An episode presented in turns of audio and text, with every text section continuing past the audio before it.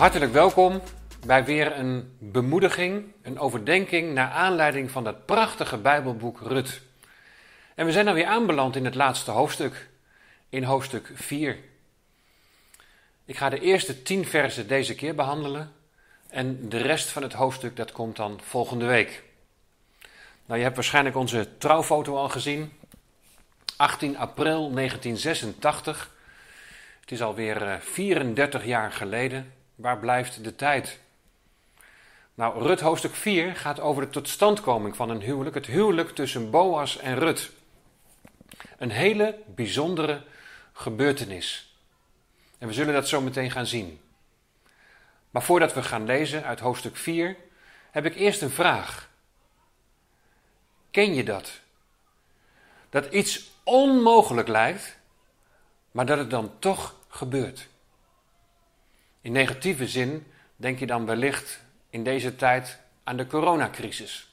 We hadden toch niet voor mogelijk gehouden dat een, een virus zo'n impact zou hebben. Dat landen op slot gaan, dat de gezondheid boven de economie wordt gesteld met alle gevolgen van dien. Dat er geen kerkdiensten mogelijk zijn, nu weer ten dele dan.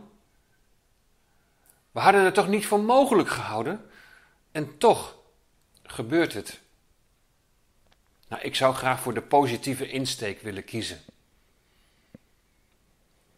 Als ik de Bijbel lees, dan lees ik daar verschillende keren over gebeurtenissen en omstandigheden dat ook iets onmogelijk lijkt en dat het dan toch mogelijk wordt gemaakt door God, door Zijn hand, door Zijn genade, dat Hij een weg baant. Een prachtig voorbeeld daarvan is Rut. Rut, de Moabitische, de heidense, de buitenlandse vrouw, die besluit nadat ze al heel jong weduwe is geworden om met haar schoonmoeder mee te gaan naar Bethlehem. Ze verlaat haar vertrouwde omgeving en ze gaat naar een land dat voor haar niet bekend is. En dan zegt ze: Uw God is mijn God. Uw volk is mijn volk. Maar dan komen ze daar als twee weduwen. En zeker in die tijd, dan ben je arm. En daarom is er ook wat voor geregeld in de wet. Dat degene die land bezit, dat hij aan de randen het een en ander moet laten liggen. En daarom gaat Rut ook aren rapen op het land bij Boas.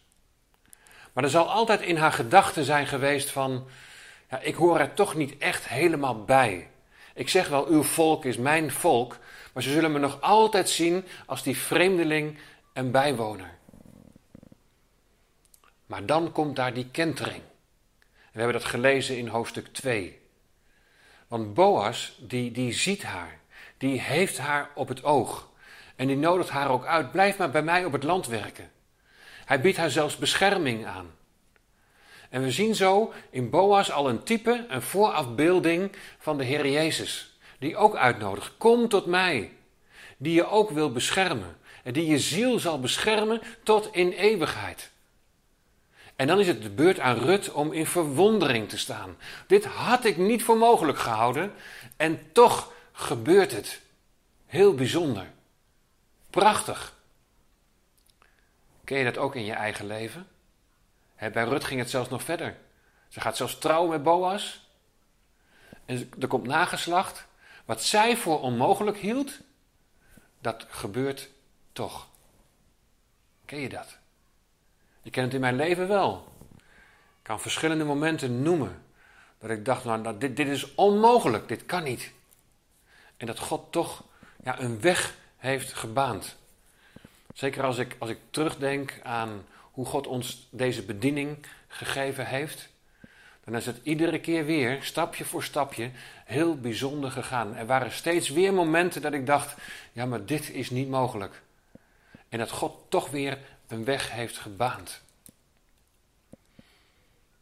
Toen wij uh, vrijgesteld werden in Deventer, toen uh, hebben we er eigenlijk nooit bij stilgestaan dat het ook nog wel eens een andere weg zou kunnen worden. Dat het nog wel eens zover zou kunnen komen dat we Deventer, waar we ons leven lang hebben gewoond, zouden gaan verlaten. Dat hielden we niet voor mogelijk. Maar op een gegeven moment heeft de Heere zo duidelijk geroepen. De gemeente vroeg als eerste om te komen, maar de Heer heeft zo duidelijk in zijn woord bevestigd. En ik heb het wel vaker gedeeld, Genesis 12, vers 1 tot en met 3 was die tekst. Ga ik nu niet uitgebreid meer, meer vertellen. Maar het was in ieder geval een hele duidelijke bevestiging voor ons om ja, ons land, onze vertrouwde omgeving, om onze familie, die daar ook allemaal woonde, om die achter te laten en te gaan naar de Noordoostpolder, naar Emmeloord. De Heer heeft heel duidelijk geroepen door die tekst. Nou, Genesis 12 is ook gelijk even een bruggetje naar het Bijbelboek Rut.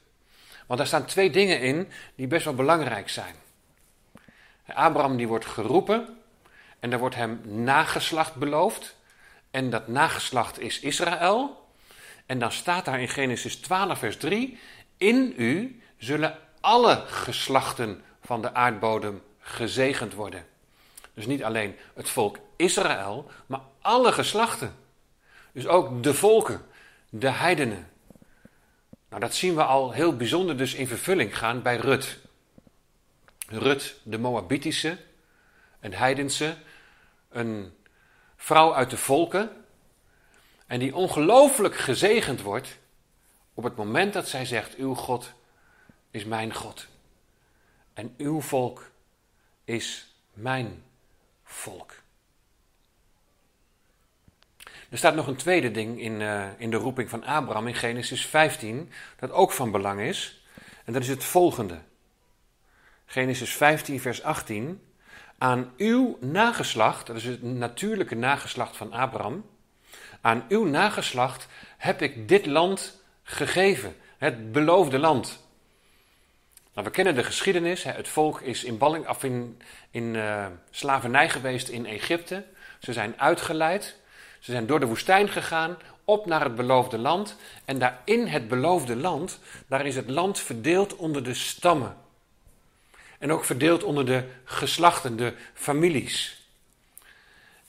En omdat de Heere God heeft gezegd: Ik heb dit land aan jullie gegeven, moeten ze er ook voor zorgen dat het land in hun bezit blijft.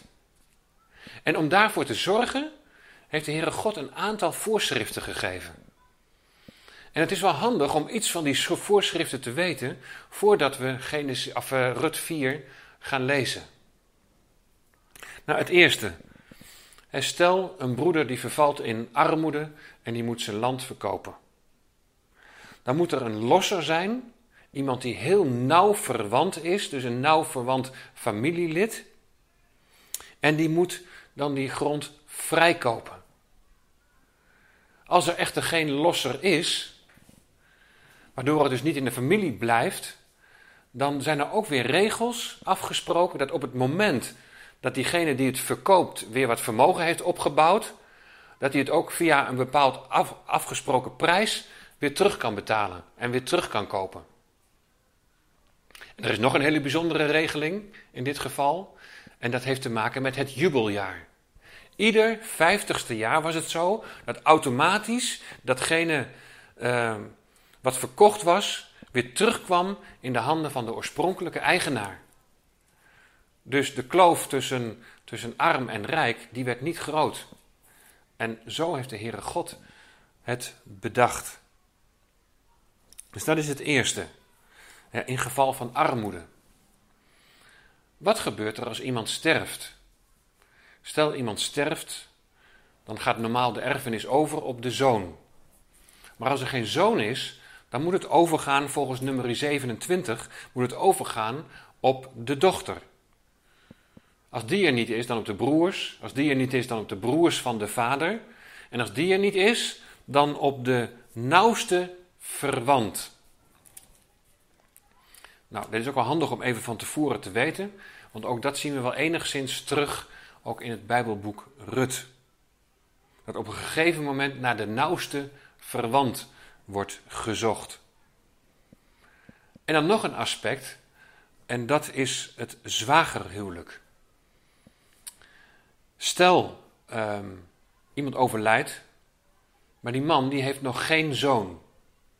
Dan kan de vrouw, die kan niet zomaar trouwen met iemand buiten de familie. dan is zij verplicht om te trouwen met de broer van de overledene. Dus met haar zwager. Daarom noemen we dat ook het zwagerhuwelijk. Nou, en de eerste zoon die dan wordt geboren, die krijgt dan de familienaam van de overledene. Zodat die familienaam in stand blijft. Dus het land moet eigendom blijven, de familienaam moet in stand blijven. Dat zijn allemaal hele belangrijke bepalingen. Dus deze drie, even vooraf aan het lezen van Rut hoofdstuk 4. Maar dan gaan we nu samen lezen. En we beginnen bij Rut hoofdstuk 4 vanaf vers 1. Intussen ging Boas naar de poort en ging daar zitten. En zie de losser, over wie Boas gesproken had, die kwam voorbij. En toen zei hij: Kom eens hier en ga hier zitten, u daar, hoe u ook heet. En hij kwam daarheen en ging zitten. En hij haalde tien mannen uit de oudste van de stad en zei: Gaat u hier zitten? En zij gingen zitten. Nou, de poort was in die tijd een hele belangrijke plek. Het was dé plek van, van sociale ontmoeting. Het was dé plek waar je de nieuwtjes hoorde. Het was de plek waar recht gesproken werd. Het was de plek waar de oudsten de stad bestuurden. En ook als er een belangrijke overeenkomst gesloten moest worden, dan gebeurde dat in de poort en dan werden daar getuigen bij geroepen.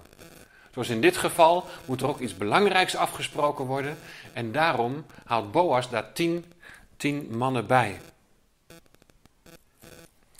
En dan lezen we verder in vers 3.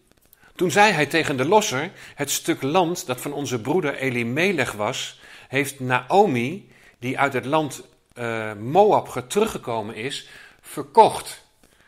Nou, een, een weduwe kon het land niet verkopen, dus het zal niet letterlijk verkocht zijn geweest hier, maar het gaat meer over de overdracht van, van vruchtgebruik. Dat, dat Naomi, dat ze afziet van de procedure om het recht van vruchtgebruik op te eisen. Want het was namelijk al tien jaar, tien jaar lang was het al in handen van een ander. Ze waren toch tien jaar in Moab geweest. Nou, dan gaat de Boas verder in vers 4. En ik heb gezegd, ik zal het u ter oren doen komen door te zeggen, koop het in aanwezigheid van de inwoners en in aanwezigheid van de oudsten van mijn volk. Als u het wilt lossen, los het dan. En als u het niet wilt lossen, vertel het mij dan, zodat ik het weet. Want er is niemand om het te lossen behalve u en ik na u. Toen zei hij: Ik zal het lossen. Dit gaat dus over die nadere losser die al eerder genoemd werd in hoofdstuk 3. Boas zegt: Jij hebt het eerste recht en na jou kom ik. Nou, het eerste antwoord is dus: ik zal lossen. Wellicht heeft hij gedacht van, er is helemaal geen sprake van een erfgenaam. Dus als straks dat jubeljaar aanbreekt, dan heb ik ook helemaal niks terug te geven. Dus dit is een goede deal. Maar, dan gaat Boas verder in vers 5.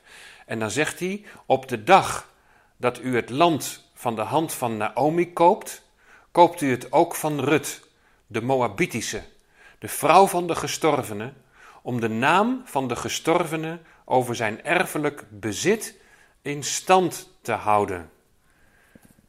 Zie je, dat was dus van belang om de naam van de gestorvene over zijn erfelijk bezit, om dat in stand te houden. En we hadden al eerder gezien bij al die bepalingen dat dat ook van belang was. En nou zegt hij dus tegen die nadere lossen, nou je kunt het wel lossen, maar daar hoort wel wat bij. Dan krijg je uh, Rut krijg je erbij. En Rut, die moet nog nageslacht krijgen. En er moet nog iemand geboren worden. Er moet nog een zoon komen die dan de naam van de gestorvene over zijn erfelijk bezit in stand houdt. En dan, dan ziet de dadere losser er vanaf. Dan zegt hij, ja, ik kan het voor mij niet lossen, anders zou ik mijn erfelijk bezit te gronden richten. Het is niet helemaal duidelijk wat nu precies het motief is. En ik ga daar ook maar niet over eh, speculeren. Er zijn verschillende uitleggingen over. Maar hij kan in ieder geval niet lossen. En dan is Boas aan de beurt. En dan lezen we verder in vers 9. Toen zei Boas tegen de oudsten en heel het volk: U bent vandaag, vandaag getuigen dat ik van de hand van Naomi alles gekocht heb wat van Elimelech geweest is. En alles wat van Giljon en Machlon geweest is.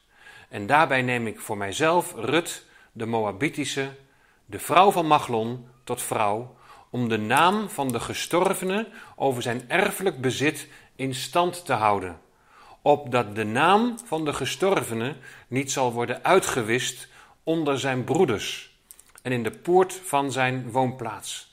U bent vandaag getuige. Zie je dat het handig is dat je van tevoren even die bepalingen weet, dan, dan snap je ook beter op het moment dat je zoiets als dit ook leest. Nou, we hebben eerder al gezien dat Boas een type is van de Heer Jezus in veel aspecten. En hier is hij een voorafschaduwing van de Messias in de zin dat de Messias de losser is, de verlosser is. Hij die ons verlost van de zonde, hij die ons heeft vrijgekocht en hij heeft met een dure prijs betaald. Hij heeft betaald met zijn leven. Hij heeft betaald met zijn kostbaar en dierbaar bloed. Dan zou je je nog kunnen afvragen: wie is dan die nadere losser? Is die ook ergens een, een voorafbeelding van? Nou, je zou kunnen zeggen dat die nadere losser staat voor de wet. De wet kan je niet vrijkopen. De wet kan je niet verlossen. Die nadere losser staat voor de aardse hoge priester. En die gaat dan één keer per jaar naar het heilige der heiligen. Hij plenkt daar het bloed, hij vraagt om vergeving. Maar hij moet iedere keer weer opnieuw, ieder jaar weer opnieuw. Hij kan je niet bevrijden van de macht van de zonde, hij kan je niet verlossen. Maar Boas is een voorafschaduwing van de Heer Jezus, een voorafschaduwing van de hemelse hoge priester.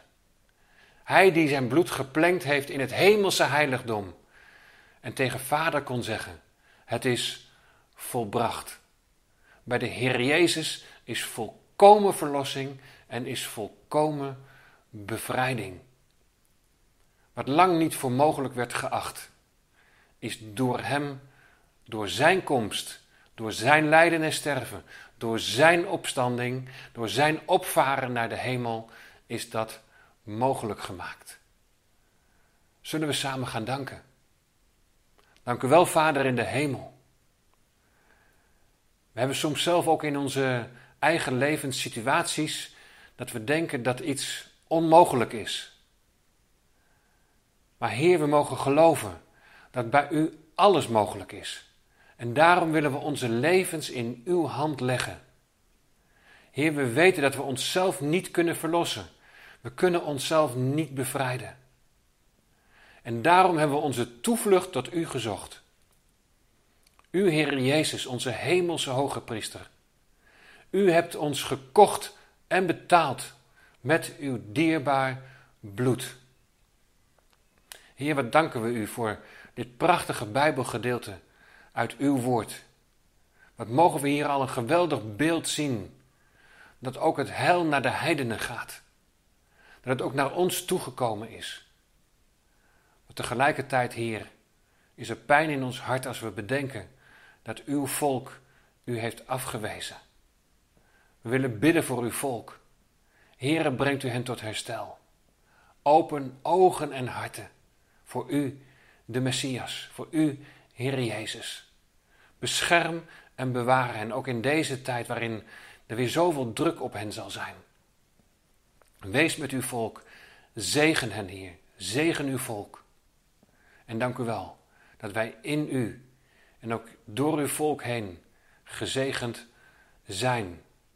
Want u, Heer, bent uit uw volk gekomen. U, Heer Jezus. Dank u wel dat u naar ons hebt omgezien. Wilt u met allen zijn, heren, die het moeilijk hebben? Die misschien wel voor situaties staan waarvan ze denken: dit is onmogelijk naar de mens gesproken. Dan bidden we om uw genade, om uw nabijheid dat u het onmogelijke mogelijk zult maken. Als het in uw plan en uw wil bestaat, opdat uw naam wordt verheerlijkt. In Jezus' naam. Amen.